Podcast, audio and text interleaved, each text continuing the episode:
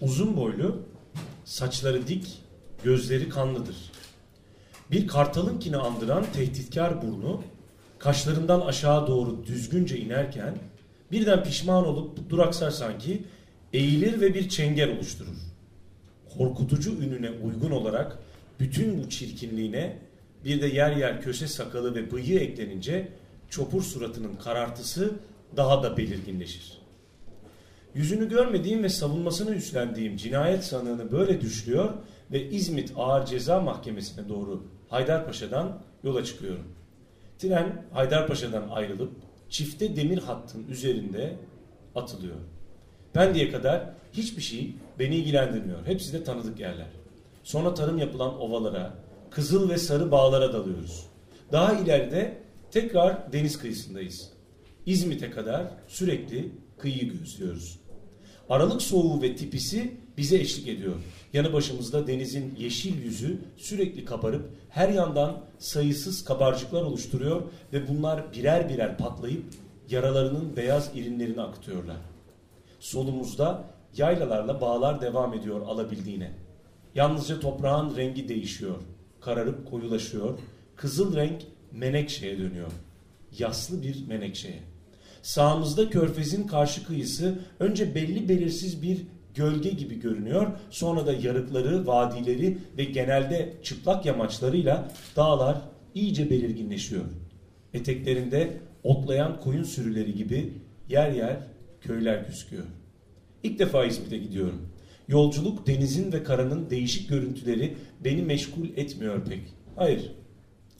Yola çıktığımızdan beri belki 10. defa cürmün ayrıntılarını kapsayan resmi evrakı yokluyorum. En ufak bir umut ışığı yok.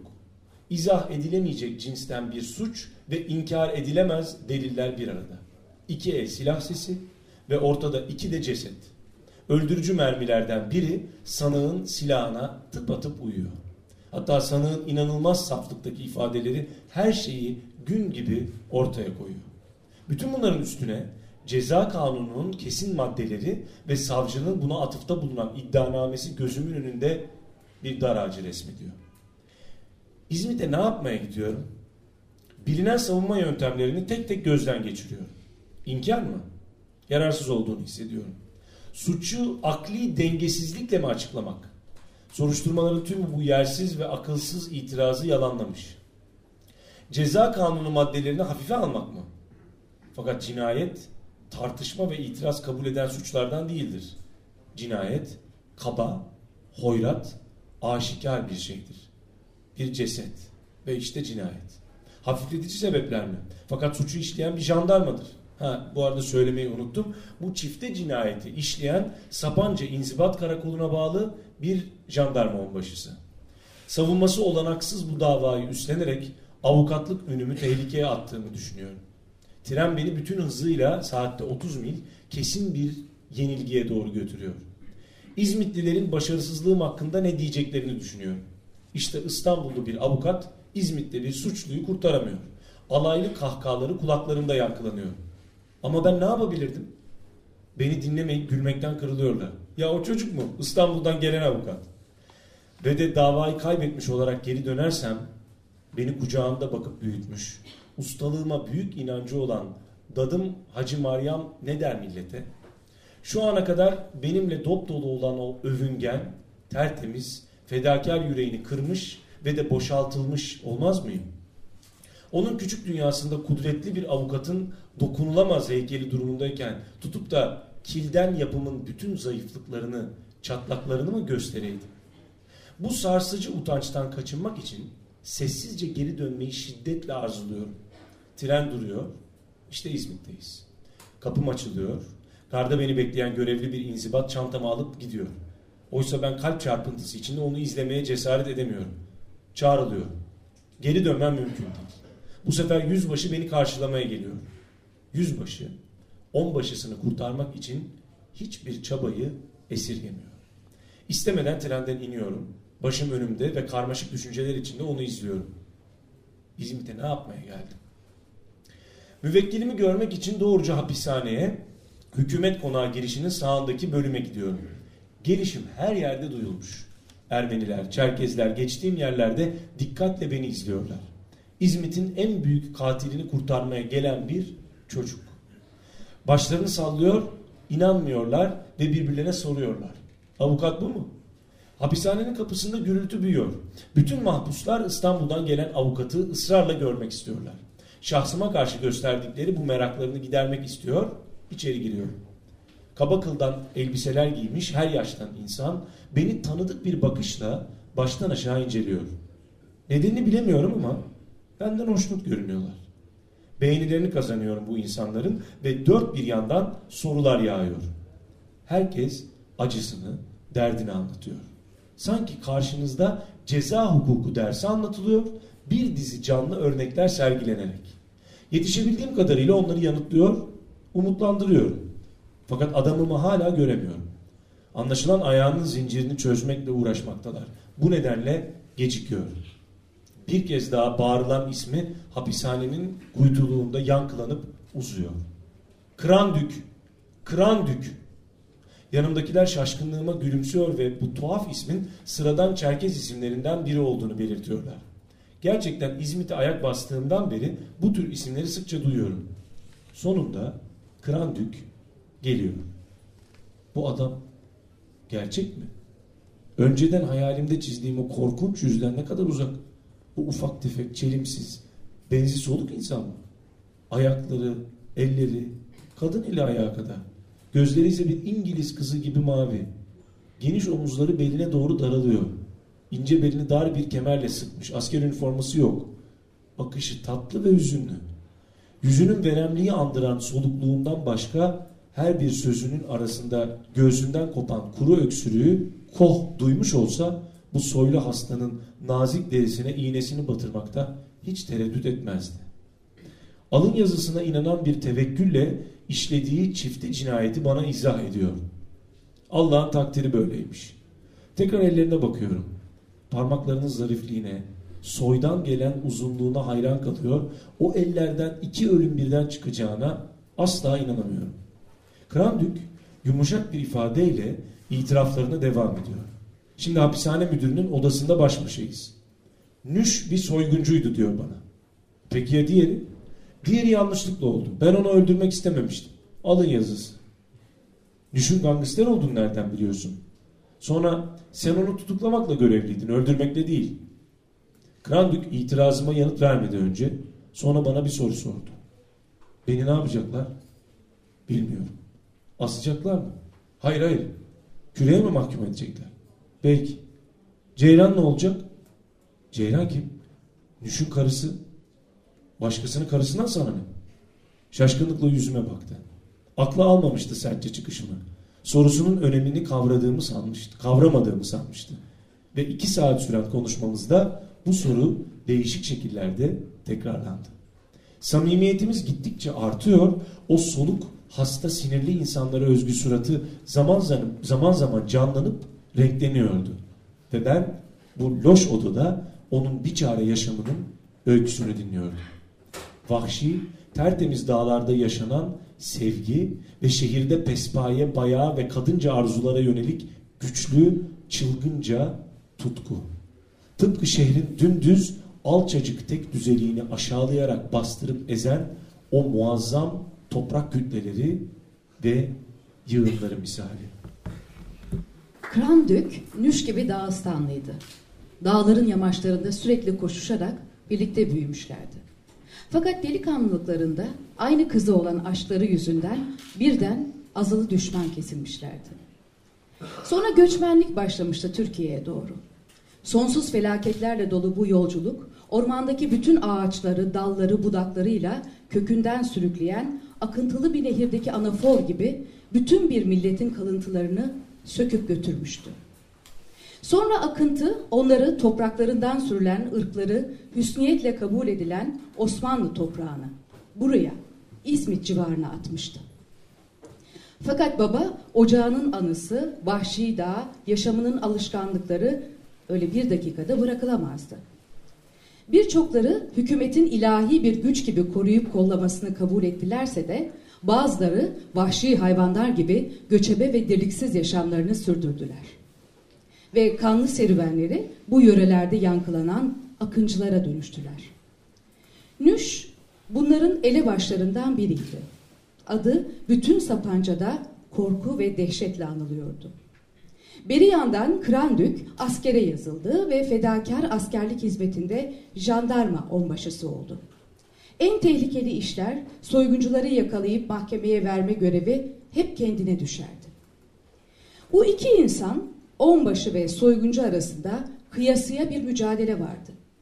Bir zamanlar birbirlerini kardeş gibi seven bu insanlar artık öldürücü bir kinle dop doluydular. Aralarındaki bu çukur şimdi dipsiz bir uçurum gibi ayaklarının altındaydı ve bu açıklık bir kadın yüzündendi. Yıllar boyunca kıskançlık ve umutsuz bir aşkla derinleşen bu uçurum bundan sonra ancak ikisinden birinin cesediyle kapanabilirdi. Alın yazısı gibi kaçınılmaz, içinden çıkılmaz öyle bir durum ki çepeçevre sarmalandığı demir çemberden insanın sağ kurtulması mümkün değil. Cesaret ve hüner karşılıklı yarışa çıkmıştı. Geceleri tüfek elde çalıların ardında birbirinin yolunu gözleyerek sabahlıyorlardı. Birbirlerine duydukları kini, nefreti ikisi de biliyordu ve ilk karşılaşmalarında birbirlerini öldüreceklerine dair haberler yolluyorlardı. Kurşun sıkacakları günü beklerken tehditler savuruyorlardı karşılıklı. Kavga yürek tüketerek ve bir sonuca ulaşamadan sürüyordu. Gergin sinirler biraz daha tahrik oluyor, durdurak bilmeyen kovalamacının yorgunluğu, tabi eğer kaldırılacak hal kalmışsa, başlangıçtaki sürtüşmelerini daha da ağırlaştırıyordu. Karşılıklı yöneltilen bu sessiz ve sürekli ölüm tehdidi zihinlerde öfke dolu bir eziyete, bir kuşatmaya dönüşmüştü. İzmit Ağır Ceza Divanı mı? Divan diyelim. Yani bu sözcük daha güzel geliyor. Fakat gerçekte küçük bir oda. Evlerimizdekine benzer mütevazi bir odada mahkeme heyeti kurulmuş. Sandalyelere oturmuşlar. E, yer darlığından karşılarında davacı, sanık, tanık ve dinleyiciler yan yana sıralanmışlar. Mahkeme sırasında e, duyulmamış isimler ve diller işitiliyor. Dağıstan lehçeleri tercüme ediliyor. Ben bunların neden olduğu karışıklık ve çelişkilerden yararlanmaya çalışıyorum. Sorgudan sonra iddianamede suçun ayrıntıları hukuk dilinin kısa ve yalın ifadeleriyle belirtiliyor. Sapanca Karakolu Nüş'ün o gece köye döneceğini önceden haber alır. Krandük sabaha karşı birkaç atlı jandarmayla soyguncunun sığındığı kulübeyi kuşatır. Göçmen köyü silah sesleriyle uyanır. Yanlışlıkla biri vurulur ve bu karmaşada soyguncu pencereden atlayıp kaçar. Nüş'ü kovalarlar, Krandük ormanda ona yaklaşmayı başarır ve öldürür. Okunan bu açıklamayla Çerkezlerin sesleri küçük odayı ölüm kokusuna boğdu. Ben kaçak evladına bu kez sığınma olanağı vermeyen ormanı düşlüyorum. İki düşmanın düellosu. İnatla bu ağanın peşinden koşup işte randevuyu gerçekleştirmişlerdi. Karanlıkta bir kavga başlamıştı. Kafkasya'dan İzmit'e uzanan bir serüven noktalanacak, tefrikanın son cümlesi yazılacaktı. On yıllık bir geçmiş bir saniyede kopacak, son bulacak ve yoğun ihtiras bir damla kanda eriyip çözülecekti. Uygar ölçülerde olsun, uygarlık dışı ölçülerde olsun, yarışmaların adi sonuyla çiftin teke indirgenmesi. Sonunda inançlı ve sonunda inançla ve vicdanımın sesine uyarak zorlu savunmama başlıyorum.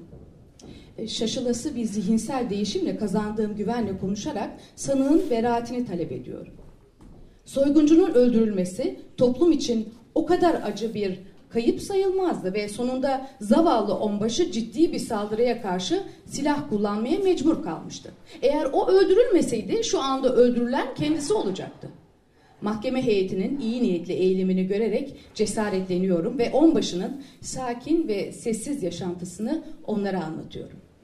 O mütevazi bir asker olarak savaş alanı ve onun şerefiyle yüz yüze geleceğine her an ölüm tehlikesini yaşıyordu. Gecesi, huzuru, kendisine ait bir yaşamı yoktu ve bütün bu yoksunluklara karşın bugün eli ayağı zincirli olarak buraya, bu zor görevinin hesabını vermeye geliyordu. İddianın zayıfladığını, suya düştüğünü hissediyorum. Bir yanlışlık sonucu işlenmiş diğer cinayet iddiasını ele alıyor ve onbaşının 8 ay mahpus kalmış olmakla buna ait cezayı karşılayacağını belirtiyorum. Dışarıdayız. Ben, o, hepimiz. İçeride mahkeme heyeti görüşme halinde. Krandük'ün başı boynu üstünde sallanıyor, sağa sola eğiliyor. Acaba kopacak mı? Ölüme mahkum bir koyun gibi tatlı tatlı yüzüme bakıyor. Bu bakışta bana sorular var ve onlara yanıt veremiyorum.